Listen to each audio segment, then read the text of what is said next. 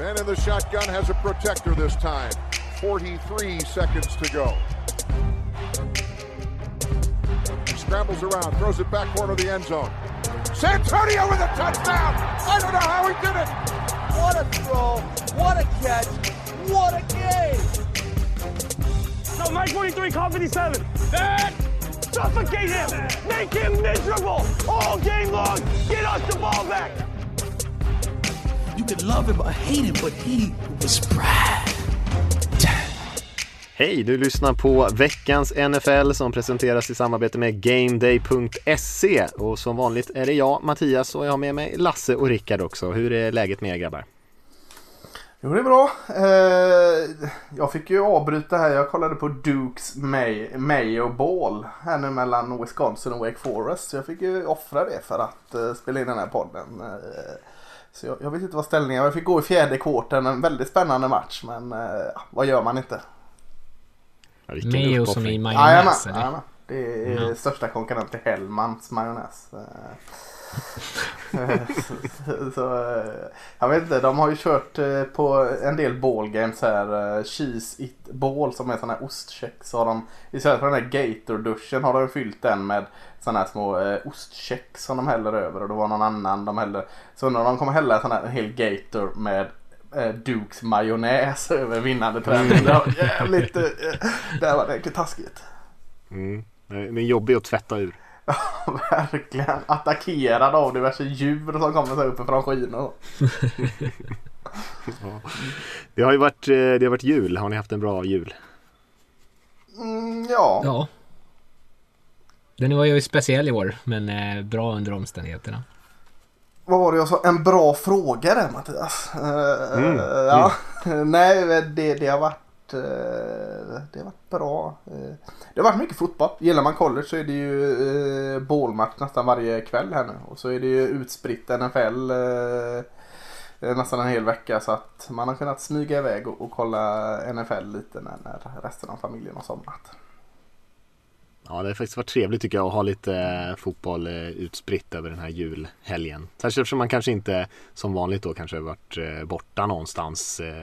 I alla fall inte sovit över och sådär. Även fast jag har varit och hälsat på lite släkt sådär. Men inte, inte varit kvar så har det ändå varit skönt att kunna fylla dagarna med lite, lite extra krydda med NFL-fotbollen. Ja, du fick ju din vikt i parmesan såg jag där. Mm. Ja, det var Ja. ingen dum julklapp. Nej, verkligen fin. Och Mm. Rickard, eh, hur såg sötebröds eh, ut på, på ert ubord? Var du nöjd? Ah, det vart inte så galet som jag kanske hade önskat, men vi hade kanske en sex olika typer av kakor. Ja. Så det, det gick ju ändå eh, ner till slut. Står du och rör knäck och sånt också eller? Jag är inte så mycket för knäck faktiskt. Alltså? Jag är mer, nej, mer för typ olika former utav kak, alltså cookies-aktig. Ja. um, lite sådär, det tycker jag är godare. Ja, ja, intressant. Var familjen nöjd med dina eh, julklappar då? Eh, ja, inslagningen var de, De inte så nöjda med. Men annars ja. var de, var de nöjda. Kom, kom knappt ihåg vad jag gav nu men eh, ja, de gav inga arga blickar i alla fall. Så att eh, jag överlever en jul till. Det är väl insidan som räknas. Ja. Eh, ja, Fick ni några bra julklappar förresten? Får man det som vuxen eller här? Ja, jag tänkte också så eh, jag köpte eh, spel till min partner, men det var ju mest för att jag ville ha de brädspelen. Så det var ju bra julklapp. Jag fick en flaska bourbon, det var, det var trevligt. Som jag hade ringat in i, i Systembolagets katalog. Eh, så, så, så det var jag nöjd med. Systembolagets katalog. Nej, inte, men det låter, det låter så bra i det här moderna samhället att kunna eh, gå tillbaka till Hobbex-katalogen och sånt. Och, Man riggade in soft air-gunnet när man var mindre, vet du. fick det aldrig. Fick en stickad tröja istället. Ja, typ. Vad, vad fick du förutom osten då? Fick du något, eh, något bra? Ja, nej, men eh, jag fick eh, lite, jag fick också något spel och så fick jag lite andra pastaverktyg och sånt där. En eh, ravioli-press och lite andra så här roliga grejer som jag tycker om att laga mat. Så eh, jag är nöjd ändå. Bra. Det är ju eh, nyår strax också. Eh, nu är det ju faktiskt onsdag kväll här så det är ju nyårsafton redan imorgon. Så vi ska ju göra lite, eh, en liten vår version av en årskrönika kan man säga. Så då kör vi ju NFL-året såklart eh, och börjar liksom i augusti-september där och kör igenom kanske några grejer som har eh, vad ska man säga, färgat den här säsongen som vi tar med oss, som vi minns, som stod ut under olika delar av säsongen, saker som kanske var Eh, stor snackis i september som vi kanske har glömt bort nu för att det inte känns riktigt relevant längre. Eh, påminna oss lite om de grejerna. Så att, eh, det ska bli lite kul. Men vi kan väl börja med, som vi brukar göra, köra lite nyheter och och eh, kanske också en liten, eh, liten titt på de matcherna som spelades här under julen och även senaste helgen här. Eh, även fast det var ett par av dem var ju ett par dagar sedan det spelades så att vi ska väl ta det eh, lite snabbare än vad vi gör ibland. Men vi kan väl börja med att nämna att eh, Dwayne Haskins, quarterbacken i Washington football team som draftades i första rundan 2019 blev eh, släppt här alldeles nyligen. Vi pratade ju om hans strippklubbsbesök förra veckan. Inte så superuppskattat av coachen där, Ron Rivera. Eh, och eh, han var nog nöjd att han fick eh, okej okay från ägaren där, Dan Snyder, att, att släppa quarterbacken. Eh, och nu är han eh, ute och letar efter nytt jobb. Ja, eh, tråkigt. Eh, väldigt mycket fokus på, tycker jag har varit på eh, så att den här överkörningen, eller inte överkörningen, eller överkörningen av den Snyder att ta han mot Washingtons vilja här och, och så kanske det var. Men, men, det var ju inte så liksom att han tog eh, kreti liksom. Dwayne Haskins var ju suverän i Ohio State eh, på college så, så det var inte helt out of the bloom men kanske kände till några liksom tendenser som vi nu ser. Eh, hoppas han liksom kommer eh, på banan. Han är fortfarande ung, lär sig av sina misstag och eh, hittar en plats för att eh, han hade ju det i sig i college i alla fall. Så att, eh, nej. Eh, han är ung, han kan eh, komma tillbaka, hoppas vi. Hoppas jag i alla fall. Ja, man brukar ju prata om så här, att inte behöva ha den här pressen av att vara eh, liksom vald nummer 15 och att man ska bära ett franchise sen fram, framöver. Utan nu kan han ju lite lugnt bara eh, få vara lite i bakgrunden, kanske lite mer. Eh, få välja sin egen plats och välja en plats där han känner att här kan jag verkligen utvecklas. Ja, chans lär han väl få någonstans. Så eh, så illa kan det nog inte gå liksom att han bara rinner ut i periferin utan eh, så nu, nu hoppas vi att han tar vara på det. Ja, mm. för att han har ju, och det hade han även när han draftades, eh, ganska mycket fysiska saker som eh, var imponerande. Eh, och han var ju väldigt hypad som du sa där Lasse. Men sen mm. så är det väl det här, det, jag tycker man har sett det förut, att quarterback som kanske inte haft sådär jättemycket eh, starter i college, inte så mycket erfarenhet, han startar egentligen bara ett år. Eh, att det är Eh, lite riskabelt att välja de spelarna. De behöver ju såklart mer tid. Det är ju svårt att komma in med så lite erfarenhet och helt plötsligt starta i NFL som är liksom snäppet svårare än college. Eh, och eh, spela bra direkt. Och den här, den här är väl exakt den typen av spelare, Haskins, som egentligen skulle behöva mer tid. Och sen så har han väl kanske visat att han har ibland haft lite dåligt omdöme och det har ju snackats lite om hur hur mycket han har lagt fokus på rätt saker under sin tid i Washington där. Så det är väl lite det som håller honom tillbaka mm. känns det som. Att han, liksom, han måste hitta det själv någonstans. Att han eh, verkligen vill det här liksom. Absolut.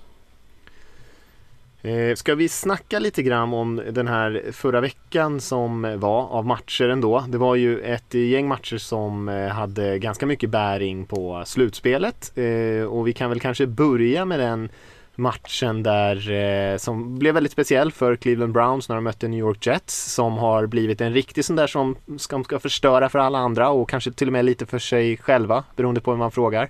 Men eh, de vann ju med 23-16 mot Browns. Browns hade ju ett eh, covid-utbrott på en av sina eh, receivers och eh, blev ju egentligen av med sina fyra startande receivers eh, inför den här matchen. Och det var ju en ganska tuff situation för dem. Men man trodde väl ändå, eller jag trodde i alla fall att man ändå skulle klara av det här jetslaget. Men det, men det gjorde man inte. Nej, Jets var bra. Eh, Browns var inte sådär alltså, svindåliga heller. Ska jag inte tillägga att Jets var riktigt bra. Då. Eh, alltså det låter konstigt att säga det, välcoachade kändes det som i matchen.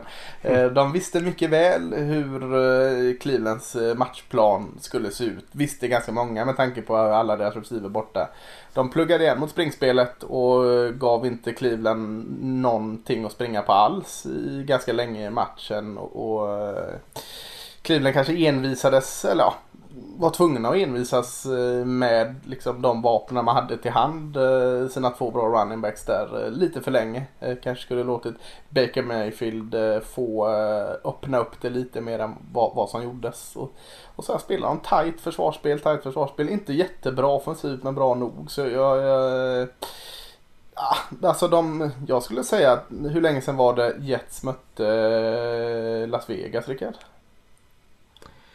Det var ju bara tre veckor sedan va, typ? Ja, men alltså ja. säga att de var tre, fyra senaste matcherna har ändå Jets gjort betydligt bättre från sig än vad man liksom har suttit och skrattat åt Jets hela säsongen. Så det är väl typiskt Jets att avsluta snyggt när det inte gäller någonting. Ja, alltså försvaret har ju spelat bra mm. eh, ändå. Det måste man ändå ge dem. Ehm, men eh, Ja, alltså det känns ju fortfarande som att det är en del som saknas i laget. Eh, men jag i det här fallet så var det, kändes det som att Browns, jag vet inte vad de höll på med. Saknar man sådär många eh, receivers så kanske man inte ska passa bollen 50 gånger utan då kanske man ska envis springa fastän, den, fastän det liksom inte funkade speciellt bra och det är det som Jets gör bäst men ändå på något sätt så ja men till slut måste vi Var det så många passförsök? 50 alltså? Jag för mig att, att Baker var sprang, där i, omkring. jäkligt mycket i början. För de kom ju ingenstans i spring. Och när de hamnade Nej. i underläge sen då blev det ja. ju i stort sett helt enformigt. Ja, så kanske det var. Ja, jag kan dubbelkolla här under tiden ni pratar om någon Nej, men det beror inte men de passar mycket i alla fall. Ja. Jag minns bara början av matchen där liksom att de sprang in iväg om och om igen så jag, jag kan lite fatta det. Eller jag kan lite förstå liksom att de försöker någonting. För vad fan, Jets pluggar igen helt i mitten, vad fasen ska man göra liksom? Ja, nej, nej. Det var ju en dålig, det blev ju en dålig det blev en riktigt dålig matchup där kanske för Browns med tanke på att Jets kanske det de är bäst på ändå är ju att stoppa kanske springspelet och sen så mm. tappar Browns då alla sina vapen för att attackera det som där man kanske hade haft möjlighet annars. Eh, sen kan man kanske begära att de ska göra en bättre match ändå. Eh, särskilt med så mycket på spel och vi hade ju lite fumbles från Baker Mayfield, inte minst i slutet på matchen när man ändå hade chansen att, mm. eh, att vända och vinna. Eh, och han såg ju fullkomligt bedrövad ut, eh, Mayfield där i slutet och det kan jag förstå. Det där var nog inte så han hade tänkt att eh, han skulle avsluta den matchen och vi får väl se om det var avgörande för hela Browns säsong. De har ju en eh, helt avgörande match för dem nu om de ska nå slutspelet. Så vi kan prata lite grann om det laget som de kommer möta här vecka 17. Eh, kommer vi möta Steelers och Steelers mötte ju Colts i en match som eh, var helt ensidig i början. Steelers anfall såg ut som de har sett ut hela säsongen, eller i alla fall absolut senaste delen av säsongen här med att man inte fick igång någonting. Det var nästan bara pants hela tiden och, och Colts tog ett stort, en stor ledning, kanske skulle ha varit ännu större. Eh, men Steelers i andra halvlek vaknade till, fick till några stora passningsspel Ben Roethlisberger gjorde kanske en av de bättre halvlekarna vi har sett på länge från honom och de vann till slut med 24-28 i en ganska osannolik vändning som kom nästan från ingenstans. Och det måste ju Browns vara tacksamma för. om man liksom mm. ska koppla till det. För då kunde de förlora utan att det kostade dem så mycket. För att, eh, att, att Colts torskade hjälper ju dem väldigt mycket här i deras slutspelsjakt. Eh, jag kollade första halvlek av den här matchen faktiskt och sen så stängde jag av. Eh, och, eller jag bytte. För jag tänkte så här, ah, det här är ju helt ensidigt. Det finns ingen anledning att kolla på det här. Och så såg man hur poängen kom och så tänkte jag fortfarande nej, nej, det är inte, det är inte på riktigt. Eh, tills, tills Steelers tog ledningen och då var jag tvungen att gå tillbaka och kolla på den. Ja, jag tänker, alltså visst Colts offensiv började väl hyfsat bra men annars så kändes det som ett stort kliv bakåt. Philip Rivers var inte den Philip Rivers jag tycker man har sett uh, det sista. Och, ja, det kändes lite hackigt allt eftersom och det blev nog värre och värre ju längre det gick för de avslutade ju inte alls snyggt. Liksom. Gjorde de någonting vettigt överhuvudtaget i andra uh, halvlek? Inte mycket. Gjorde tre poäng och Rivers hade några turnovers. Ja. Så uh, Det var ju Mm. eh, ganska total kollaps. Det känns som att Rivers är lite sån där också. Han kan spela ganska bra så länge det inte är något som går emot honom. Men det känns när, när det väl börjar gå dåligt då kan det gå ganska dåligt för honom. Och det, det gjorde ju det. Han såg ju väldigt stabil ut eh, i första halvan av matchen och, och flyttade bollen ganska bra. Men sen så, ja, så tog det stopp. Men så alltså, hopplös som, som Ben Roethlisberger har sett ut de senaste veckorna när förlusterna har kommit. Eh, Det var ju inte alls där Ben Roethlisberger såg ut. Han såg ju bra ut liksom. Springspelet finns ju inte där så det är ju Ben Roethlisberger och hans receiver som är grejen. För eh, nu känns det som de inte ens försöker springa särskilt mycket Steelers heller. Innan de försökt och sprungit in i en vägg. Nu, eh, ja vad hade de? Eh, 10-12 springförsök totalt liksom. Det är ju extremt lite. Eh, Deras då- bästa rusher i matchen hade 20 yards, James Conner. Ja, eh, det är ju inte bra alltså. Nej, det är inte så bra. Nej. Men det hjälpte dem att vända. Så det kanske var ett vinnande recept där och bara helt eh, överge det. Jag vet inte. Eh, men då gäller det att man sätter några av de där spelen också. Och eh, Mm. det var ju kanske framförallt den här långa passningen till eh, Deontay, eh, Deontay Johnson heter han det? Mm. Ja, jag fick helt eh, blackout där. Ja, men eh, som vände matchen känns det som. När, man, när de gjorde någonting som man tänkte, det här har vi inte sett från dem på, på länge. Eh, Nej, precis. Precis så känns det. Vi kan väl nämna också tycker jag att football team, Washington football team som också hade mycket i sina egna händer här för att ta hem NFC East torskade mot Panthers med 2013. Det var ju Haskins som spelade och han såg ju absolut inte bra ut. Blev ju också bänkad i slutet av den matchen mot eh, Heineke, eller Heineke som tog över och eh, såg väl okej ut men det är ju jag vet inte om man kan säga så mycket om det. Nu hoppas man ju att man får tillbaka Alex Smith här till, eh, till sista veckan som också blir avgörande för dem. Men det är ju inte alls säkert än så länge i alla fall att han kommer spela. Nej. Så vi får se lite grann där. Nej. Eh, Jag tänker vi kan nämna Eh, Eagles Cowboys matchen som också var en viktig match för de som jagar Washington. Båda de två lagen hade ju faktiskt en chans eh, och det såg ju ganska jämnt ut i eh, början på matchen. Men Cowboys drog ifrån ju längre matchen led och vann ju ganska bekvämt till slut med 37-17. Ja, eh, Eagles, eh, Eagle föll helt ihop när Fletcher Cox gick ut skadad. Då eh, Eh, kunde man inte luta sig mot sin defensiva linje alls längre på samma sätt. Och eh, Dalton fick kanske en extra sekund på sig och eh, utnyttjade, jag kommer inte ihåg vad den stackars eh, konen hette, Eagle som eh, blev bränd gång på gång på gång på gång på gång. Och, och eh, då blev det för tufft. Jalen Hurts gör en, en helt okej match eh, igen. En bra match kanske till och med. Men ja, det var liksom hål bakåt så in i helsike som Eagles inte kanske varit vana vid innan trots att de haft skador. Så, eh, det var lite som att spela med tio man på försvaret. Mm. Kan ju nämna eh, Cardinals som också jagar slutspelsplats, torskar mot 49ers och vi hade ju några andra lag som eh, eh, verkligen imponerade av storlagen får man säga och framförallt i NFC då Packers som eh, Mm, piskade på Titans eh, rejält. Eh, Rodgers med fyra nya touchdowns. De vann ju med 40-14. Buccaneers där Tom Brady kunde kliva av i halvlek mot Lions för att matchen i stort sett var avgjord och hade han redan kastat för 350 yards och fyra touchdowns på en halvlek. Och de vann ju med 47-7 och sen så tog ju Saints och sprang rakt över Vikings. Såg ut som båda lagen sprang bollen väldigt bra i, i den matchen. Men Kamara var ju Eh, det som var storyn såklart. Han sprang ju sex touchdowns på marken, 155 yards i en 52-33 match för Saints där det var absolut inget eh, motstånd egentligen och Saints var fullkomligt överlägsna. Mm, kul med de här storlagen som eh, flexar lite inför slutspelet. Eh, nu nämnde du bara NFC-lagen, men Bills gjorde ju egentligen samma sak mot Patriots också. Ja. Eh, så kul om de liksom kan eh, hitta formen nu inför slutspelet. I vissa av de här lagen har man ju varit, eh, eller ja, Saints har, ju, har man ju varit ganska frågande till, eh, samma med Bucks. Och kan de spela på det här sättet i, i, liksom nu i januari och februari, så, eller förhoppningsvis februari förra då, så kan det ju bli väldigt mycket roligare än vad man har tänkt sig när man har sett slutspelsbilden i NFC.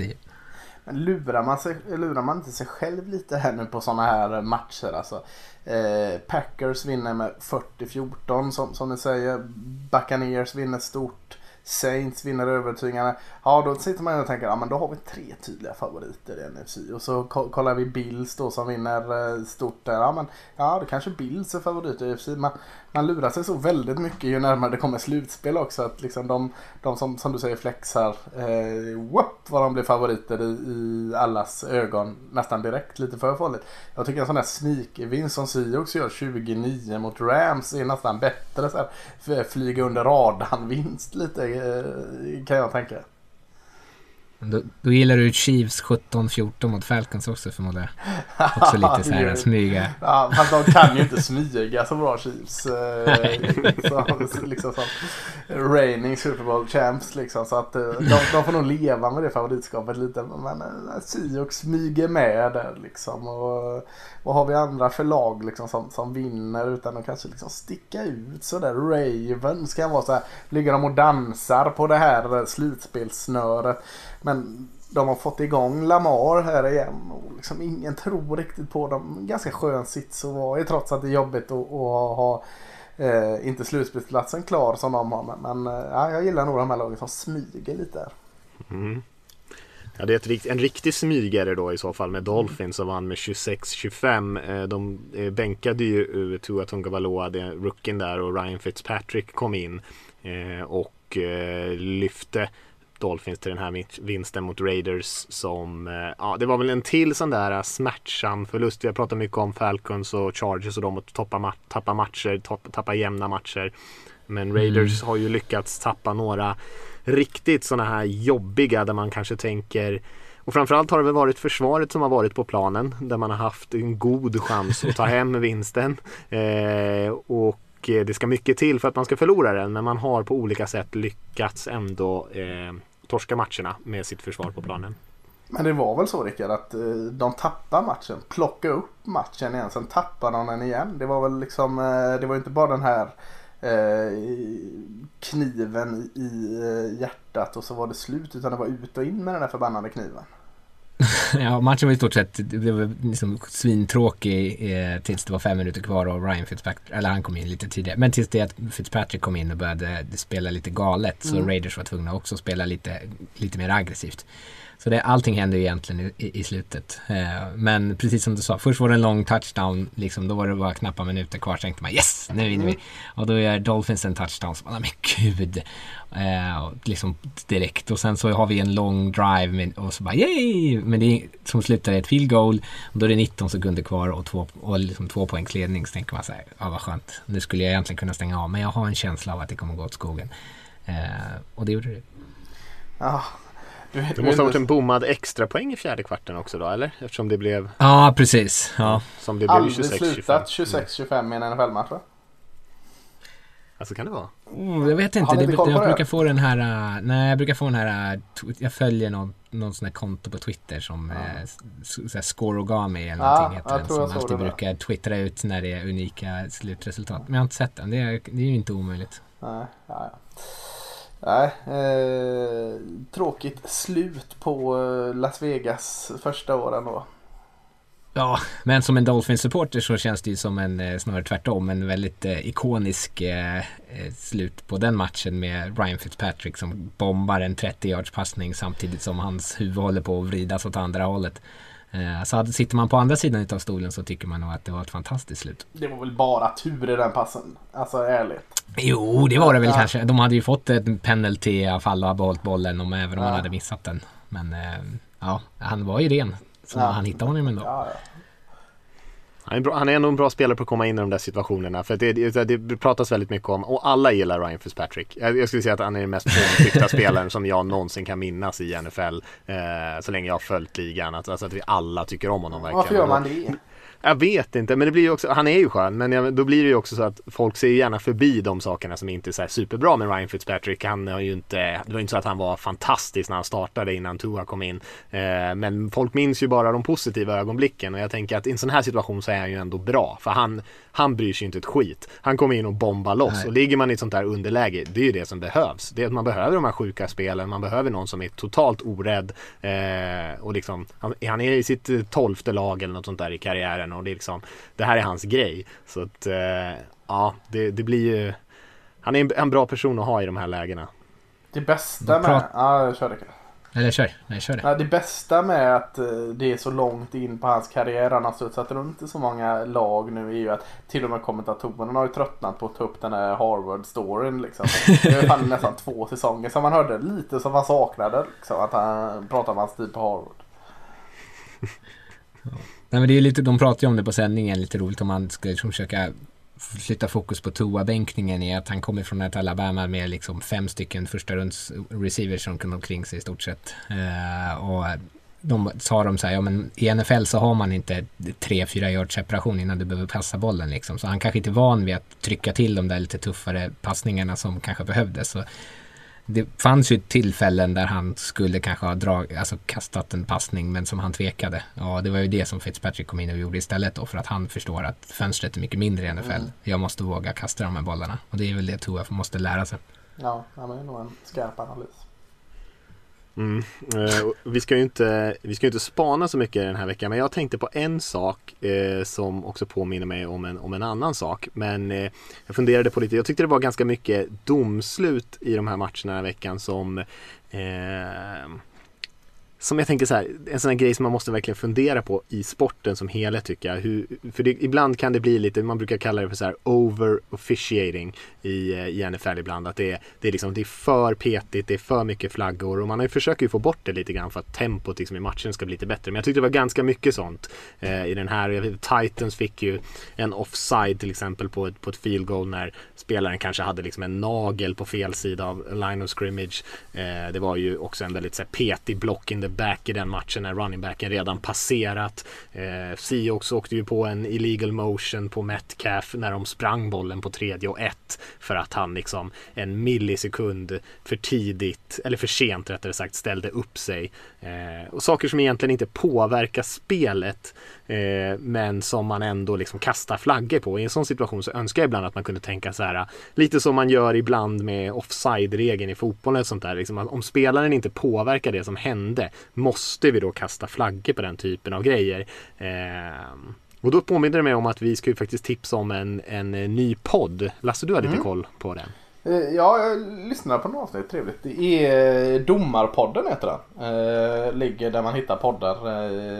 Med Marcus Hagerbrink och Jim Kaja. Två domare, duktiga svenska domare som har startat en, en podcast just när vi sitter och svär och eh, skäller att vi hade gjort det bättre själva och hur dåliga de här jäkla domarna. Eh, så går de in och kanske ibland med breda penselmål liksom pratar om eh, domslut och eh, ibland lite mer specifikt eh, liksom om just det domslutet. Eh, till exempel om Byron Jones här eh, mot Raiders när han eh, fick en, en eh, eh, pass interference mot sig och så kanske skulle och inte fick en offensiv pass interference eh, tilldömd. Sådana saker kanske. Men, men eh, ja, eh, två jättebra svenska domare, Marcus och, och Jim som har stort NFL-intresse. Eh, Patriots och eh, Raiders tror jag det är som, som gäller för dem. Eh, så, så, lyssna, in och lyssna på det. Jag var inne och lyssnade, det var roligt att höra. Mm. Det är sånt där som man, eh, ibland dyker upp någon regel som man faktiskt har ganska dålig koll på. Det finns ju rätt mycket regler i den här sporten. och en del saker är ganska komplicerade. Jag, jag fattar ju inte till exempel den här, det var ju någon, det är ju en, en regel när man famlar bollen i en viss eh, del av matchen så, så får ju ingen annan plocka upp den än den som famlade den i det egna laget. Och jag var lite osäker på om man, om man famlar bollen bakåt, gäller den regeln fortfarande? Det, det visste, inte, det visste inte jag faktiskt. Eh, utan det fick, jag, det fick jag lära mig i vår Slack-grupp av någon som hade bättre koll plocka upp får man göra. Det är att man inte får avancera. Ja, det är från Holy Roller, en Raiders match ja. där de eh, knuffade fram den hela tiden tills någon äntligen eh, eh tog, liksom recoverade den i, i en zone och så vart det en touchdown. Kunde ju fan på att det var dem. det är alltid massa Raiders-matcher som har liksom påverkat hur, hur, hur man liksom ändrat i regelboken. Jag vet inte Finns det något lag som lever upp till sitt namn och klubbmärke så är det ju eh, Raiders alltså. Om man inte fuskar så försöker man inte mycket heller. Jävla rövare Men vi kanske ska eh, trampa över, vi lämnar matcherna som spelades vecka mm. 16 där och så eh, hoppar vi in på vår lilla årskrönika. Och eh, som sagt dyka ner i några grejer som eh, har varit stora snackisar, saker som vi minns från olika delar av säsongen och tanken är ju att gå lite Eh, så, så snyggt vi kan i någon form av eh, ordning där vi börjar liksom i början på säsongen och sen närma oss lite slutet på säsongen här. Och och eh, jag kan kicka igång oss lite grann med eh, något som, jag vet inte om alla minns det nu, men det var ju faktiskt väldigt oklart om det skulle bli en säsong överhuvudtaget innan det började på grund av hela covid-grejen såklart. Och det tog ju faktiskt hela vägen till eh, slutet på juli, precis innan liksom träningsmatcher och sånt skulle dra igång om man nu hade haft det. Det blev ju ingen försäs inga försäsongsmatcher eh, innan man faktiskt kom överens om hur man skulle hantera den här covid-grejen. Och det var ju spelarfacket och NFL som liksom förhandlade om det. Och man kom ju fram det här med att spelare kunde opt-out så att säga och ändå få behålla viss del av sin lön. Lite mer eh, ersättning om man hade en legitim medicinsk anledning och det var ju faktiskt 67 spelare som eh, tog det erbjudandet och inte spelade den här säsongen. Eh, något som vi kanske inte tänker på så mycket nu och framförallt kanske var det Patriots som blev av med Eh, ganska bra starters. Donta Hightower, Patrick Chung, Marcus Cannon på deras offensiva linje. Eh, men det var inte jättemycket stjärnor i övrigt. Nate Solder, Allen Hearns i Dolphins, eh, receivern, Solder i Giants, offensiva linjespelaren. Och sen också som vi har snackat om kanske någon gång, eh, Laurent Duvernay Tardif i Kansas City är väl också en, en snackis eftersom han är ju eh, läkarutbildad och har ju jobbat inom sjukvården under den här covid-tiden istället för att spela den här säsongen. Ehm, så det var väl kanske den första, en ganska så här inledning på när vi inte faktiskt inte ens visste om det skulle bli en säsong. Och vi har ju sagt det några gånger att det har ju ändå gått bra. Det har ändå gått över förväntan än mm. så länge den här säsongen. Det har varit lite hiccups på vägen men det, det, känns ändå som att det har flutit ganska smidigt och, och kul att man faktiskt fick till någon lösning som var ändå hyfsad. Ja, jag håller med. Eh, jag tycker det har gått skitbra alltså. Eh, för det var väldigt länge, alltså säsongen närmade sig väldigt, väldigt snabbt utan att man som du säger ens visste om det skulle bli säsong. Och då kändes det liksom, ah, hur fasiken ska det gå? Nu kändes det som, nu tog de ett panikbeslut här och så kommer det bli eh, liksom, eh, ja vad vet jag, eh, halva lagen genomför hälften av matcherna. Men eh, ja, det kanske vi kommer in på sen, har ju flyttat en del matcher. Men absolut inte så mycket som, som det borde ha gjort. Det är ju fantastiskt. Ja visst, och ska, man, ju... ska man göra någon typ av så här covid-uppdatering sa du Rickard, men då är det ju faktiskt bara, senast jag kollade så var det 178, jag tror fortfarande det är under 200 spelare totalt som har eh, som har liksom testat positivt. Så eh, med tanke på att det är jag tror att det är drygt 2 500 spelare eller någonting så är det ju ändå bara eh, en 7-8 procent av, av spelarna som faktiskt har eh, som har testat positivt och, och de har ju ofta kommit tillbaka ganska fort så att eh, på det stora hela inte sådär påverkat jätte jättemycket ändå. Nej. Men det var ju liksom om man, de stora grejerna är ju Titans, eh, Raiders, kanske Broncos när de inte kunde starta sin QB, eh, Ravens förstås eh, och Browns receivers nu. Eh, men är det liksom, om man tänker sig på hur många lag det är, hur många matcher, hur många veckor det är så är det ju faktiskt väldigt väl hanterat. Mm. Eh, ska vi, har ni något annat som ni tänkte på där som var lite tidigare på säsongen? Ja, du kommer säkert in på det här men eh, den här samtidigt som NFL startar eller lite innan NFL startar så eh, hände ju det här tråkiga med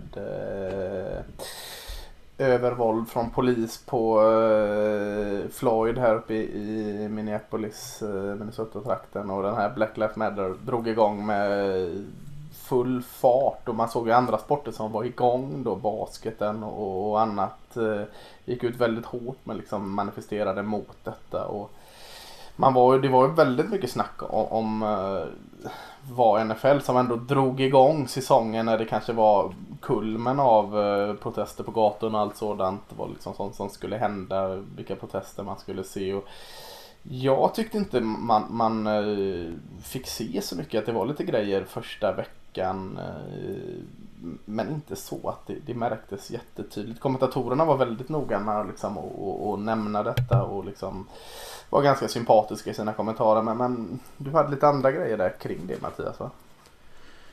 Ja, nej, men det, det, var ju väldigt mycket alltså, spelare och coacher som var ute på gatorna så där tillsammans och protesterade lite grann. Hard Knocks var det ju ganska mycket. Chargers mm. med sin inställda scrimmage där de liksom höll tal och sånt där. Sen är det väl hela NFLs inställning till hela den här eh, rörelsen som kanske startade med Kaepernick där man varit väldigt emot, får man väl ändå säga.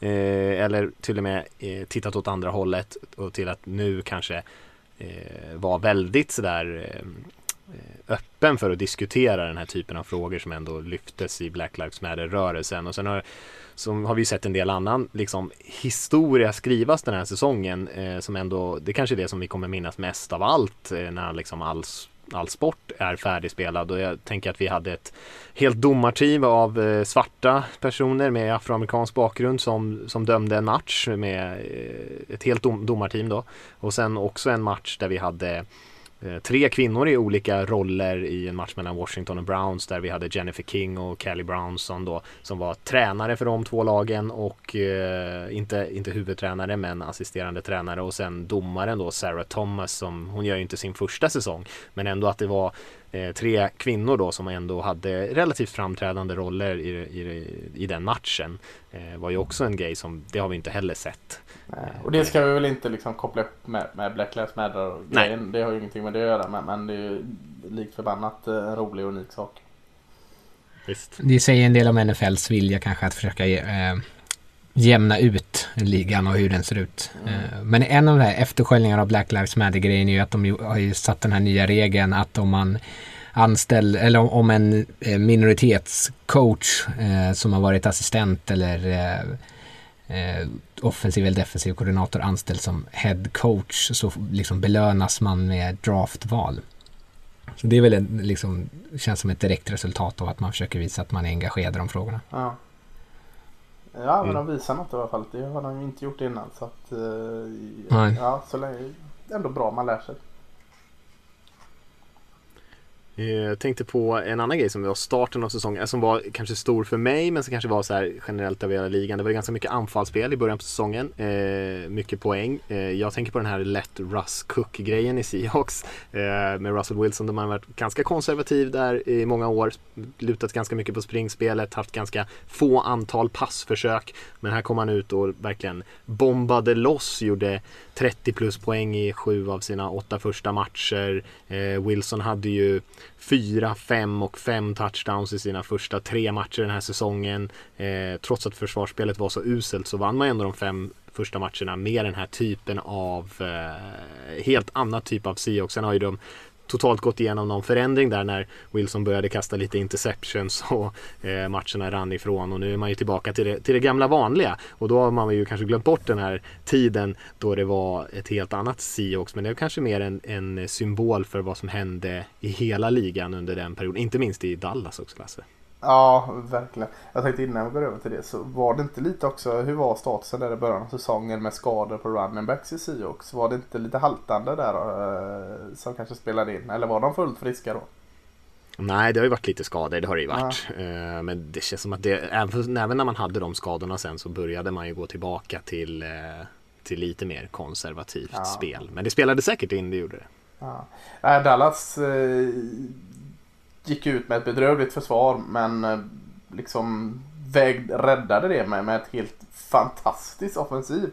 Eh, som jag eh, inte har sett många lag liksom bjuda på och, och det var ju väldigt mycket tack vare Dak Prescott som eh, liksom med eh, liksom, eller vad ska man säga, eh, var tvungen att dansa sig till de här sjuka resultaten för liksom att eh, ens vara med i matcherna när försvaret släppte allting. Eh, tre raka matcher hade han där med 400, över 450 yards i luften. Eh, liksom kändes som inget skulle stoppa honom i varje fall och så kom den här hemska skadan när liksom benet gick av där på, på en, en kort springspel. Så eh, man kommer ju ihåg, det var ju väldigt mycket surr om den här skadan såklart. Det var en sån här riktigt hemsk skada som, som det pratas om mycket. Men eh, mycket fokus på den. Men man, man glömmer också liksom hur, vilken jäkla form Dak Prescott var i. Han var ju en av ligans bästa quarterbacks då. Eh, eh, så det, det var en stor grej. Där var det ju verkligen samma eh, typ av, ja men vi ska försöka att hålla matchen lite tight och spela eh, vår typ av fotboll. Åh nej, det rann ifrån. Tack, rädda oss. Och så ja. började han bara kasta bollen över hela plan och så vart de plötsligt superexplosiva. Uh, ja, det var ju verkligen, det, när vi pratade om att det skulle hända, det första jag tänkte på var ju Dallas start på säsongen. Det är det som jag kanske kommer ihåg ja. starkast. Ja, och när Seahawks mötte, mötte Cowboys så blev det ju någon form av eh, orgi i anfallsspelare. Inget lag kunde göra något överhuvudtaget i försvaret. Nej, det var... eh, Ja, usch vad jobbigt att vara eh, defensiv eh, koordinator i de här matcherna och se matchfilmen sen. Ja, det är inte, inte så kul nej. Nej. Har vi något annat? Ja, när vi är nu inne på QBs. Det är, eh, jag kommer inte ihåg vilken vecka det var. Det var ganska tidigt i säsongen som Tyler Taylor gick ner och eh, var det en spruta? Eh, Det var någonting med lagets läkare där va? Ja, satte väl en spruta fel va? Ja, just det, Eh, Och så- punkterade någon Mm. lunga vill jag minnas. Eh, Punkterade precis. någonting. Ja, vilket organ det var låter vara osagt. Men han fick stå över där och eh, den här sprutan då som hamnade fel gjorde ju att Justin Herbert som enligt coachen där inte alls var redo för detta och eh, gick in mot Chiefs, alltså Super Bowl-vinnaren. Kanske inte Super Bowl-vinnaren på grund av sitt försvar men man gick in och, och satte över 300 yards den matchen och var mer eller mindre felfri. Och så kommer samma huvudtränare som Mattias gillar och lyfta att eh, hans eh, hantering av klockan inte är den bästa. Jag vet inte hur han, hanter, han hanterar eh, det här heller för han gick ut och sa liksom, inget beröm till Herbert alls utan han är fortfarande tydlig backup för oss. Liksom, han, vänta, han får lära lite till. Och eh, det kanske var någon medveten taktik och som satte mer eld i baken på Herbert för att han har ju tagit bollen och bara kört efter det. Ja, han hade ju en galen period där i oktober där när han hade tre matcher där, där han var uppe liksom i passer rating upp mot 120 och eh, över 300 yards i varje match och öste in touchdowns utan några turnovers. Så sen har han inte varit liksom perfekt den här säsongen men, men eh, en otrolig eh, debutsäsong såklart för Ja men för en som inte skulle vara redo så, så eh, jag hoppas han skickar ett julkort till den här läkaren med sprutan. Så dåligt ut om det där julkortet kommer fram. Va? Ja, skriva under med någon pseudonym. Herbie. Mm. Omöjligt att lista ut vem det var. Har vi mer Ja, tid Rickard, har i säsongen? Eh, det har varit ju en snackis där om man pratar om eh, rookie QBs när Tua Tagovailoa klev in. Eh, trots att Dolphins gick bra och Fitz, Fitzpatrick eh, spelade bra. Vi pratade väldigt mycket om dem. Eh, men att man ändå valde att gå över till honom efter eh, bye week. De vann de en del matcher med honom också. Sen var det ju kanske, han har ju bänkats två gånger. Men ändå kul att alla, att, och jag tyckte ändå han spelade bra har spelat bra i, i perioder. Och eh, kul att de här tre rookie-kubisarna som gick tidigt har eh, presterat. Joe Burrow spelade ju också jättebra innan han då till slut eh, bröts sönder av att han hade en förskräcklig offensiv linje framför sig i, uppe där i Bengals. Ja. Också så här känt, eller så feel good story där när Tua satt kvar på planen. Strålkastarna släcktes ner och han bara tog in det här och få starta efter sin allvarliga skada och vara tillbaka och, och, och vinna en match. Så, så det var det var ju känslosamt såklart. Eh, hänga kvar lite till vid QB så här, det, det blir lätt att man gör det. Men, men eh, redan första veckan här så gick ju Jacksonville och besegrade Indianapolis Colts och Gardner Minshew var ju, ja det var ju framtiden. Eh, Jacksonville 1-0. Eh, än så länge enda segern de har tagit och eh, det är nog ingen som tror på Gordon Minshew där. Han är fin på alla sätt men, men eh, framtidsmannen kanske han inte är. Lite samma med, New England Patriots som det var såklart oerhört mycket snack om sen Tom Brady lämnade. Det hade varit konstigt annars.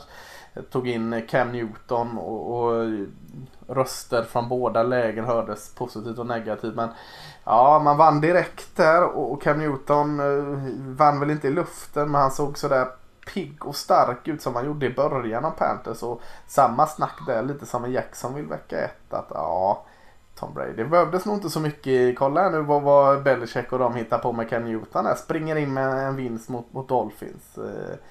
Det blev inte heller riktigt som man trodde. Så två smällar som, som eh, slapp eh, slocknade där i, i eh, Cam Newton och Patriots och Gardner Minshew och Jaguars. Mm. Och jag tänker mig, det var ju några andra lag som startade ganska hett. Panthers pratade vi om också som gjorde en jättebra inledning på säsongen och sen förlorade, jag tror att de förlorade nio eller tio raka matcher innan de vann här nu och eh, även Bears som hade en väldigt stark start på säsongen och eh, sen började torska ganska mycket där säsongen kanske har gått eh, väldigt mycket i vågor för Chicago den här säsongen. Ja, började 5-1 och har nu vunnit sina tre senaste och kan eventuellt sluta med fyra eh, vinster i slutet av säsongen. Eh, mm. det, om man tittar på schemat så finns det en förklaring i vilka de har mött dessutom. Eh, men eh, ja, andra obesegrade lag, Steelers gick ju väldigt länge obesegrat. Chiefs var ju obesegrade tills de då mötte sin överman eh, mot, mot, mot något lag, jag kommer inte ihåg vilket. Men ehm, ja, det var ju framförallt var det ju snackis med Bergsta. Alla, ja, då man sitter och satsar pengar på fotboll och man gör det. Att man typ satt varje vecka och bara satsar pengar på att nu, men nu förlorar de väl. Nu förlorar de väl. Tills man bara, nej men det här går inte. Jag tror Steelers och Jets samma vecka eh, gick om sina eh, bästa och eh, sämsta säsonger någonsin. Den när Steelers gick. Vad var man? Var man 10-0 eller? Var man 11-0? Jag kommer inte ihåg. Ja, mer va? Ja. 11-0. Ja, 11-0 mm. och, och då borde alltså Jets varit 0-11 eh, med reservation för Berwicks där. Men att eh, samma vecka så var det eh, första gången Jets har startat 0-11 och eh, lite konstigt nog, eh, jag tror det var så att det var första gången Steelers startade 11-0. Mm, och sen torskade tre raka innan de vann här senast. Ja, och nu har Jets två raka vinst. Ja. Mm. ja. Det går upp och ner. Är, man tror ju ofta att eh, efter några veckor att man har full koll på hur de här lagen kommer spela den här säsongen. Och vissa säger ju att säsongen inte börjar förrän efter Thanksgiving brukar man ju säga ibland i NFL. Och eh, det tar ett tag att hitta liksom vem man är och att det går i så pass mycket i vågor under en säsong att ett lag kan vara eh, nästan obesegrade till att börja förlora alltihop och, eh, och tvärtom. Jag har ju det gamla tänket och det har väl många för att det är statistiskt eh, försvarbart att eh, startar man 4-0 så är man klara för slutspel. Jag, jag tänker ju så. Startar du 4-0 mm. är du klar för slutspel. Eh, jag vet inte hur det...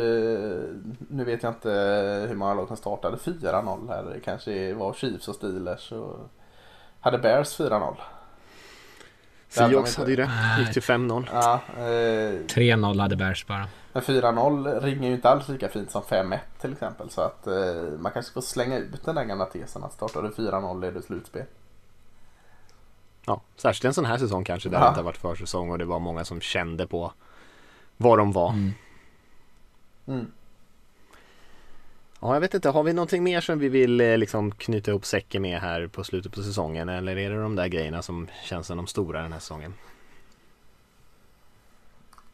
Ja, men det är väl det. Eh, det NFC väl... East har ju, får man ändå säga, varit en snackis hela säsongen. NFC East, ja. ja eh, men jag tror de inte, jag tror de kommer klara sig från att vara sämsta divisionen någonsin nu. För att eh, alla lag, det är ju inget sånt där som är eh, Jacksonville eller Jets eller något så. Utan alla lag har ju samlat på sig ett gäng segrar där. Så eh, det är mest att alla är jämndåliga. Det är ingen som är fruktansvärd och ingen som är bra.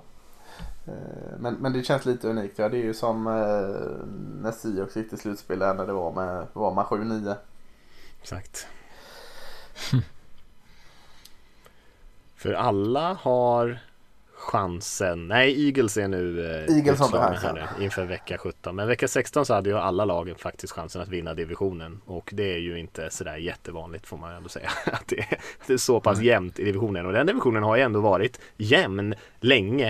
Eh, men då har det ju kanske varit lite högre höjd på lagen. Men mm. det har ju ofta varit sådär 10 vinster eh, för att det har varit ganska tajt som har eh, tagit liksom divisionssegern eller att man i alla fall varit med om man har varit uppe i de summorna. Eh, det är ju klart att det har ju funnits säsonger då lag har gått bättre än så. Eh, Cowboys har haft några bra säsonger till exempel. Men, eh, men det är ändå en, en, division som ofta är jämn. Ja och sen att det är så alltså, anrika lag i den här divisionen. Alla de här lagen är ju haft sina storhetstider. Eh, det tog väldigt lång tid för Eagles att vinna sin första Super Bowl men de har haft storhetstider innan det och Washington eh, länge sedan nu men de har ju också haft sina storhetstider precis som Cowboys länge sedan och Giants med Eli har också haft sina, alltså det är ju fyra anrika lag så att eh, den divisionen eh, lever ju väldigt mycket på sina namnstarka eh, franchise och att, eh, att den är den som underpresterar mest det, det sticker ju lite extra. Ja visst. Visst, visst, visst. Eh, nej, men då kanske vi ska ta och lämna vår lilla års eh, återblick där och hoppa in i, i vecka 17. Jag tänker att eh, sa det innan vi spelar in här. Det är ju eh, eh sju lag som har spikat sina slutspelsplatser. Det är Eh, 14 lag som är totalt utslagna ur slutspelsracet. Och då får jag det till att det är 11 lag som konkurrerar om de sju som är kvar. Och sen är det såklart en del som har med sidning att göra. Men det betyder ändå att vi har ett gäng intressanta matcher här eh, vecka, eh, vecka 17 och i, det ser ju lite olika ut i de, i de olika divisionerna. Det är ju till exempel i AFC så har vi ju fem lag som slåss om de fyra eh, kvarvarande slutspelsplatserna och i, eh, i NFC så är det sex lag då som slåss om de sista tre. Så där är det lite tajtare än vad det är i AFC där just nu så är det ju faktiskt Colts som ligger utanför. Ehm, och de andra fyra då Ravens, Browns, Dolphins och Titans som har det lite grann i egna händer. Ja, eh, ska man hänga med här när vi går igenom matcherna? Eh, Lät som du hade bra koll där Mattias. Jag, bara, jag, jag nickar här medhållande hela tiden. Men det kan man ju, så kan man ju sammanfatta då i de slut, eh, tre slutspelsplatserna som är kvar i, eh, i, i NFC så är ju eh, Bears har ju det i sina egna händer. Det går ju vidare om de vinner. Washington har det i sina egna händer. Eh, de går ju vidare om de vinner och sen så möts ju eh, Cardinals och Rams.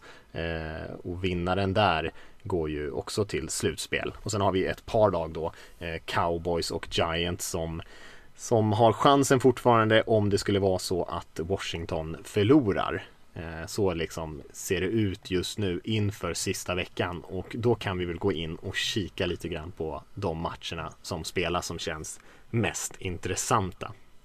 Får jag lägga till en sak innan? Ja. Mm, mm. Ja, om Bears eh, torskar mot eh, Packers, vilket inte känns omöjligt, eh, då har ju både eh, Rams och Cardinals en möjlighet att gå vidare. Då går ju Rams vidare även om eh, de förlorar. Ja, okej, okay. just det. och då, då, kan man ju tillägga, för det glömde vi säga som en nyhet, men Jared Goff bröt ju tummen här senast mot ert Seahawks, eller mot ditt Seahawks. Och mm. den ska han väl operera. Så han kommer väl inte spela den här matchen förmodar jag. Jag vet inte mycket om han kommer kunna spela någonting egentligen. Så det är väl en en övervägande chans att de förlorar den här matchen mm. eftersom att eh, Cardinals måste vinna den. Kalle Murray är också halt och jäklig också ja. så det är... Uh, mm. Jo, man är ändå på plan. Ja. Tänker jag, det är ju bättre, bättre det. Jag tänker att det, Goff, det lät på Goff som att han själv planerar att han ska spela den här matchen. Eh, vi får väl se hur det blir med det. Men han var ju inte särskilt bra mot Seahawks, men det som, som var mest badass som han gjorde den matchen, det bästa han gjorde, eh, var väl att han eh, då, som jag trodde då, drog tummen ur led. Eh, men han bröt ju tummen, men det visste man ju inte då. Men han eh, vände sig liksom bara bort från, eh, från hadden och drog tummen tillbaka i led och sen så kastade han för en first down och spelade färdigt den matchen med en bruten tumme på sin kasthand då eh, som han liksom greppar bollen på. Och eh, ehm, det var ju ändå lite, det säger lite grann om hur det ibland kan vara. Det krävs lite, eh, både att kanske hantera det den smärtan men även kanske spela under ganska dåliga förutsättningar. Eh, nu gjorde ju inte han någon bra match men det gjorde han inte innan han bröt tummen heller. Nej, alltså för QB är det ju extra jobbigt eftersom man använder den handen med att få iväg bolljäkeln. Men annars är brutna fingrar är inte så alltså sån, nu låter, ska jag inte låta matcha, det, det var inte alls meningen. Men, men brutna fingrar och sånt eh, går ju att tejpa ihop och så det är ju inte så jäkla farligt ändå. Eh, men just för, att, för honom som använder den eh, för att leverera en boll så är det klart att det är farligt. Ja, det är ju väldigt specifikt det är ju position. Det du Ja. på din offensiva linje behöver ju... Nu Nej, där har bra man ju en bruna- klubba istället. Nej, Det är ingen som har några fingrar som inte är Nej, alltså Nej. eh, gå 12 tejprullar per match liksom för att få upp de här jäkla fingrarna så får du lösa det sen. Och det gör Ja, faktiskt det- inte så väldigt ont. Nej, man kan ju också käka lite smärtstillande dessutom. Om man nu inte drar av den mitt i en match. Men eh, jag skulle tro att de flesta spelar vidare med brutna fingrar. De Mm. tejpar nog bara ihop och kör vidare.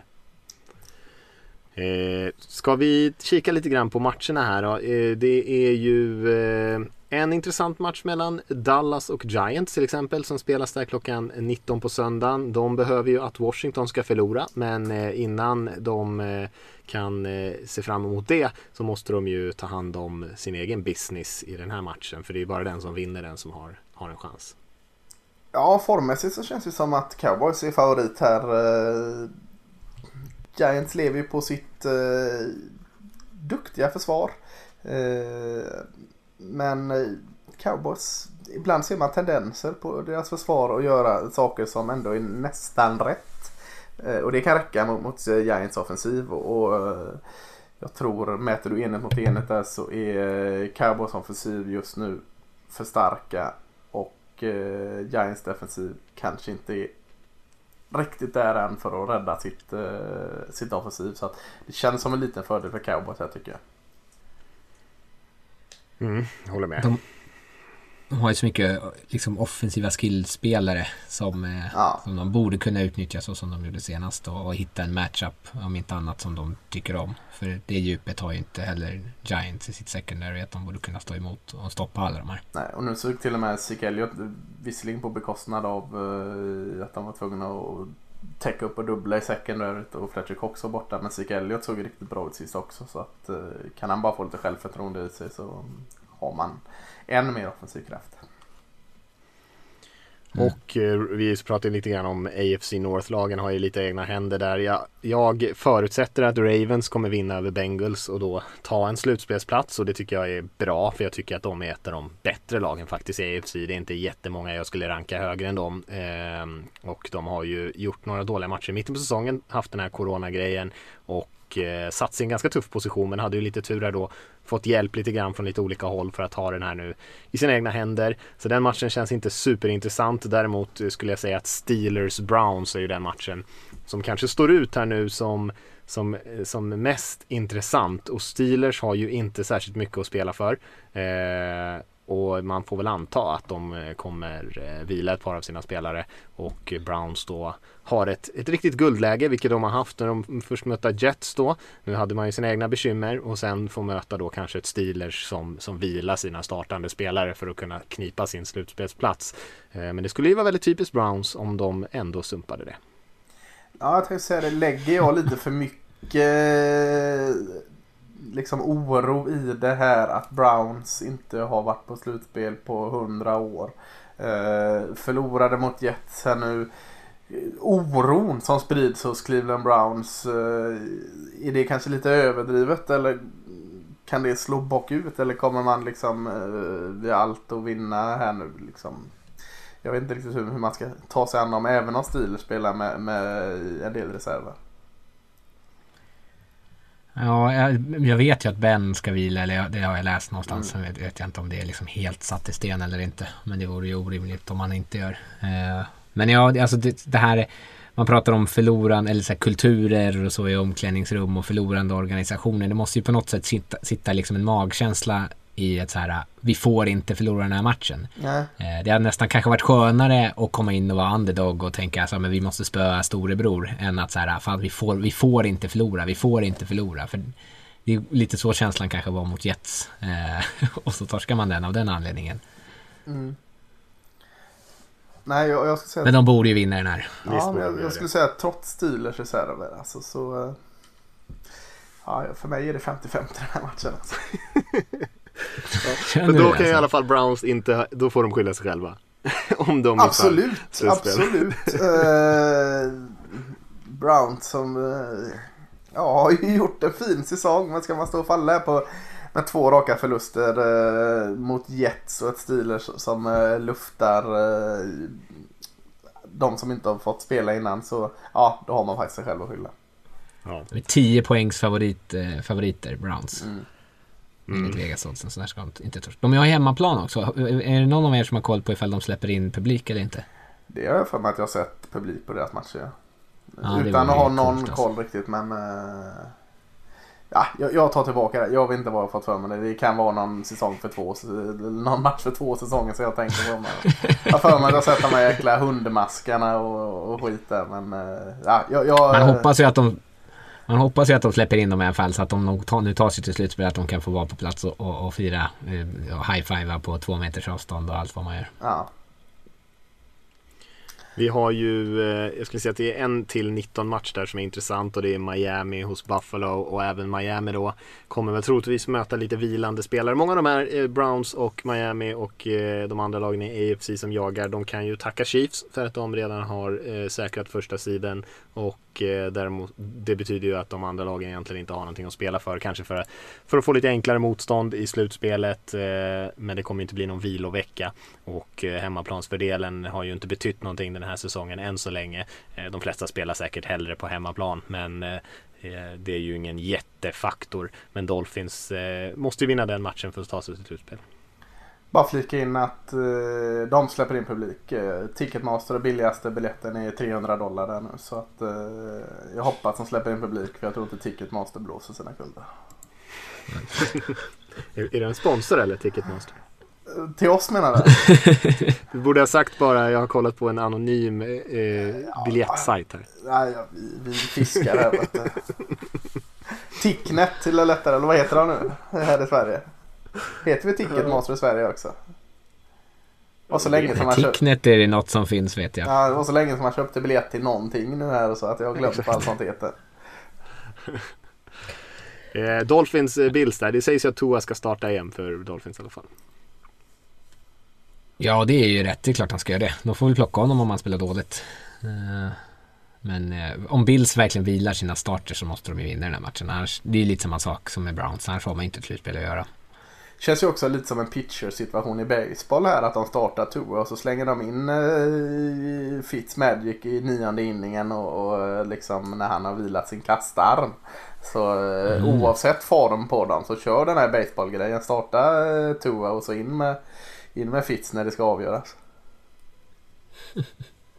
Ja, eh, nej men jag håller med om det att det är, de har vunnit mycket med matcher med Tua även fast han inte har eh, blåst eh, dörrarna av några försvar än så länge. Så att eh, det är väl rätt taktik, jag håller med om det. Och man borde vinna den matchen. Vi har en, massor av 22-25 matcher för nu försöker man ju lägga matcherna lite grann så att ja, man kan inte resultatkika eh, mer än live då och eh, liksom spela på resultatet utan det är ju eh, de som gör upp, de spelar ofta samtidigt och eh, framförallt är det väl kanske NFC West där Seahawks möter 49ers så den matchen är inte så viktig. Seahawks har ju chans på första sidan men väldigt, väldigt liten chans gäller ju att många av de andra lagen som ligger före dem förlorar och det låter ju inte jättetroligt. Däremot Cardinals hos Rams är ju en en väldigt intressant match mellan två lag som har varit hypade och spelat bra fotboll under perioder den här säsongen. Eh, Rams har ju spelat riktigt, riktigt bra i perioder men eh, nu sett väldigt dåliga ut. Det är inte säkert om det är någon Goff. Vi vet inte om hur hel Kyler Murray är. Han har ju någon lower leg injury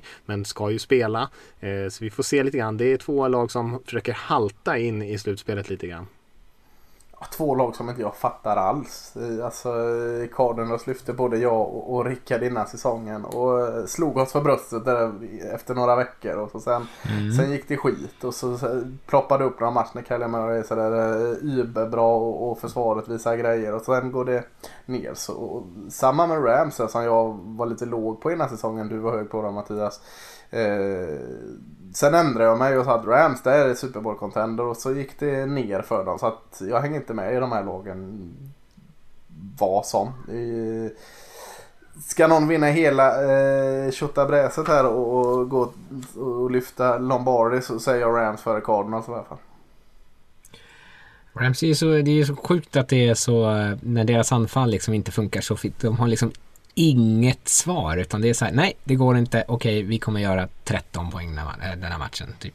Och, och det känns som att de har så svårt att kontra när det, när det skiter sig. Eller när, när Goff liksom spelar dåligt, att de inte har andra alternativ om Och det- man, ja. på, på något vis. Jag tänker också det och det känns jättekonstigt för när de spelar bra så känns det som att de har så jäkla mycket alternativ. Ja, precis. Så, eh, alltså, eh, det är som de här gamla öststatslagen i hockey och handboll. När, I medgång är de hur jäkla bra som helst och så fort det börjar gå emot lite så finns det ingenting liksom som, som bär dem.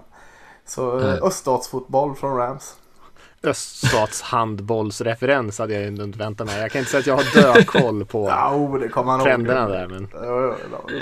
Jäkliga i medgång, eh, bedrövliga i motgång. Men kan man säga att Cardinals ändå är favoriter om Goff inte Ja. spelar men att Ram, om Rams, om Goff är inne och nu är hyfsat fungerande så får Rams hålla favoritskapet i den här matchen. Nej, jag tror Cardinals fortfarande är favoriter. Nej, Goffin har Jag Rams som favorit. Ja, Äh, spännande match. Den är ju ändå eh, relativt helavgörande. Rams har ju som Rickard sa där chansen att ändå gå vidare även fast de skulle torska. Men eh, då behöver man lite hjälp på annat håll. Det är inte så mycket annat spännande. Titans möter Texans där och den bör de ju vinna eh, för att, att ta sig till slutspel. Eh, och sen är det inte några intressanta matcher. Raiders, Broncos, de är ute. Chargers, Chiefs, där kommer Chiefs att vila majoriteten av sina starters inklusive Mahomes. Matchen är ju ointressant. Vi har eh, Packers, Bears däremot som är Den är ganska väl intressant. Packers spelar ju för att behålla första sidan. Sitter ju där nu men skulle ju kunna tappa den om de torskar. Eh, och eh, det, jag tror inte att de är så intresserade av att göra det. Saints eh, möter ju Panthers och bör ju vinna den matchen och eh, hotar i så fall Packers om den här första sidan. Så att de bör ju ändå starta sina spelare och försöka vinna mot Bears här och Bears eh, försöker ju ska man säga, kravla sig in i slutspelet här på, med en vinst mot, mot Packers. Men eh, om man ska sett på de här två lagen har spelat den här säsongen så skulle jag hålla Packers som ganska rejäla favoriter här. Eh, och sen får man väl kanske se då hur mycket den här matchen betyder för Packers. Men jag tror att de gärna spelar på Lambo. Gärna spelar en sån här snömatch som man gjorde mot Titans där man är så stark. Ja, eh, alltså sett till hur de spelade förra matchen där när till och med försvaret såg eh, bra nära magiskt ut så, är de ju såklart jättefavorit. Eh, hade de k- även varit om de hade vunnit lite tajtare. Men jag kom, kommer in lite på Bears som Rickard sa om, om Browns här att eh, det hade kanske varit enklare för Browns om de kom in och så, som underdog och har allt att vinna. Är det inte lite den situationen Bears kommer in i här nu? De, de kommer in som Jo. underdog här och eh, har egentligen Eh, Eh, alla har skrivit av dem. Eh, lite varning för att eh, vi går all in här nu. Liksom. Går det inte så går det inte men eh, all in tills det och så står Packers där kanske och har tankarna på, på slutspel och den här härliga snöiga planen på Lambo. Ja, och de kan ju också, Bears kan ju faktiskt gå vidare även om de torskar så länge Rams vinner. Så, och ni tror att Rams vinner om Goff spelar, så då kan de ju komma in på sitt 8-8 record i alla fall. Så ska ju inte Bears tänka. Det är ju inte heller en motiverande Jo, de borde tänka så här. Vi vilar våra spelare till slutspelet och så Det är litar vi på att Rams hjälper. För det är större chans att Rams vinner över Cardinals än att vi vinner över Packers. Alla starter sitter i omklädningsrummet framför och en, kör. liksom en high definition tv och kollar på Rams-matchen. Det är ändå ingen chans. Ja, nej, och Trubisky spelar ju för sitt nya femårskontrakt här för Chicago också. Just det, precis. Stackars Bears. Ja, Bears i en tuff sits. Vi är kanske inte ämnet för dagens podd här, men de, eh, mm, det är, de har ju haft ett eh, dominant försvar, men det är svårt att hålla hög nivå på en enhet under längre tid och om eh, man nu är hyfsat övertygad om att de inte har sin framtida quarterback i truppen. Och dessutom är någonstans i mitten på draften någonstans och draftar så sitter man ju i en ganska svettig sits för framtiden här vad man ska göra inför nästa säsong. Eh, och det ska ju bli ett intressant lag att följa och se om det ens går att lösa deras sits. För de är ju lite för bra för att drafta högt och lite för dåliga för att utmana på riktigt. Och man behöver ju verkligen få in nya spelare. Mm. Saints väl vinna över Panthers. Tycker inte att det finns så mycket att säga om den matchen egentligen. Och sen har vi eh, det som är då Sunday Night Football är ju Washington Football Team mot Philadelphia Eagles. Eagles är ju utslagna men man kan ju tänka sig att de ändå kommer spela sina spelare här. Det finns ju ingen anledning att vila spelare även fast man inte ska spela slutspel. Men eh, Washington hoppas ju som sagt på att Alex Smith ska komma tillbaka. Han har ju en calf injury och annars är det ju eh, Taylor Heineke som ska starta den här matchen för dem. Eh, och det blir ju också eh, lite spännande. Det kan ju hända vad som helst den matchen känns som. Ja, jag vet inte varför Schwartz, defensiva koordinatorn, eh, utsågs någon form av eh, talesperson för Eagles eh, inför den här matchen. Men han gick ut och sa det att vi ska fasken inte lägga oss här. Vi, vi vill inte se något annat jäkla lag från NFC 4 eh, slutspelsavangemang på vår hemmaplan. Liksom. Det, det, det, får inte bara finnas. Eh, Doug Peterson har varit tyst men, men eh, det är ju mitt hopp att, att de tänker så. Eh, nu vet jag inte status på Fletcher Cox här efter han haltade av. För utan Fletcher Cox så såg de ju bedrövliga ut i försvaret. Doug Peterson är ju för, han är ju för en good guy för att säga något sånt där. Det är klart de måste skicka ut James Ward som är mm. lite mer, lite mer av en skitstövel. Ja. Eh, och jag hoppas att de lyssnar på skitstöveln här och, och, och kör över fotbollsteam. Ja, det förstår jag att du hoppas. Mm. ja, det är, det är en viktig match. att den ligger eh, så sent också. Eh, skulle nu mitt cowboys vinna här 19.00 så eh, är det ju Måste lång väntan. Ja, sitta uppe kan jag väl göra men jag får ju nöta igenom de här 10-25 matcherna och tankarna kommer ju bara vara på den som är mitt på natten här. Så att eh, ja, kanske lika bra att de förlorar Cowboys så jag slipper tänka på det. det är rätt inställning. Ja. Det är lika bra peptalk som, som Rickard. mm, precis. Men man, nu hoppar du ju över Colts-matcherna Mattias, så det kan vi ändå nämna lite kort att även om de möter ju, vad är det, Jaguars de möter, eller hur? Den, den mm. liksom, kritar det bara in för en seger.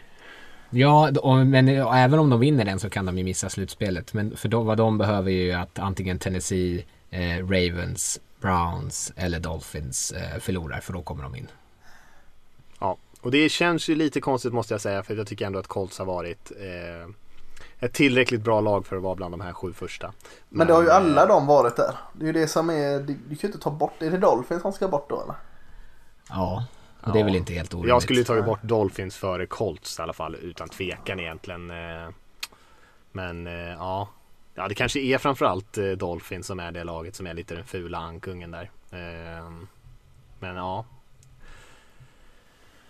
det är lite tufft om slutspelsplatserna. I NFC som sagt, där är det lite snällare där att eh, Bears kan ta sig vidare på en 8-8 record och förlust vecka 17 här med lite tur och sådana här grejer. Men mm. i, mm. i AFC så är det lite annorlunda.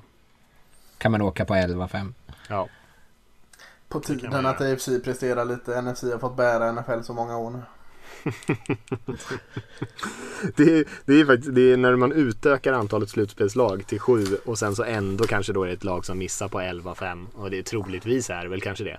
Eh, det, det, blir, det är ju konstigt, det trodde man ju inte. Men eh, så kan det mycket väl bli. Mm.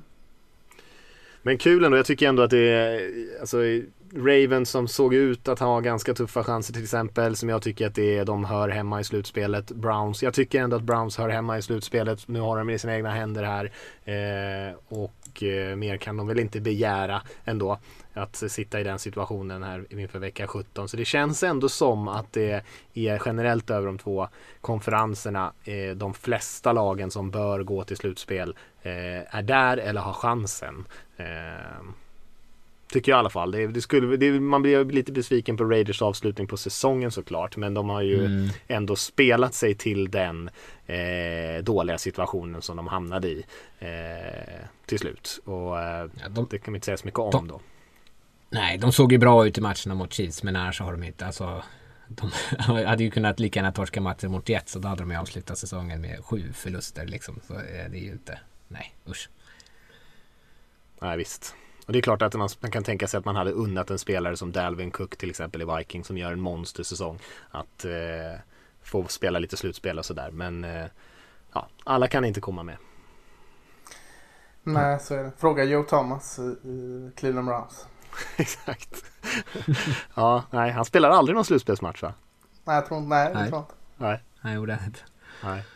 Han verkar ta det med en klackspark ändå, får man säga. Eller han kanske inte gjorde det när han spelade, men eh, det är ju som när du, när du eh, går någonstans och så halkar du och ramlar och slår dig så in i helsike och så kollar du om någon har sett dig och så bara borstar du av och skrattar lite men du dör inombords av smärta. Jag tänker så är det med Joe Thomas. Han försöker maskera en djävulsk vurpa på en isfläck.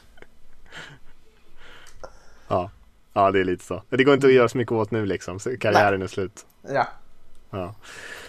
Eh, ja, det var ju ingen positiv slut kanske på den diskussionen men, eh, men kul att vi har en så spännande vecka 17 ändå som sagt. Det är många lag som fortfarande har chansen, många slutspelsplatser eh, att spela om och det är ju kul för ibland kan de här vecka 17 matcherna bli ganska tråkiga historier eh, och eh, vi hoppas väl på lite spänning även i de här matcherna där, där eh, det kanske är några starter som sitter på bänken och tittar på men att det ändå blir lite liv i de matcherna. Eh, och inte den här typen av utklassningar som vi ändå fick se i många av de här matcherna runt, runt jul. Så eh, vi kanske säger så för oss för den här veckan. Så eh, hörs vi igen på andra sidan när vi vet vilka lag som har tagit en slutspelsplats. Ja, gott nytt år!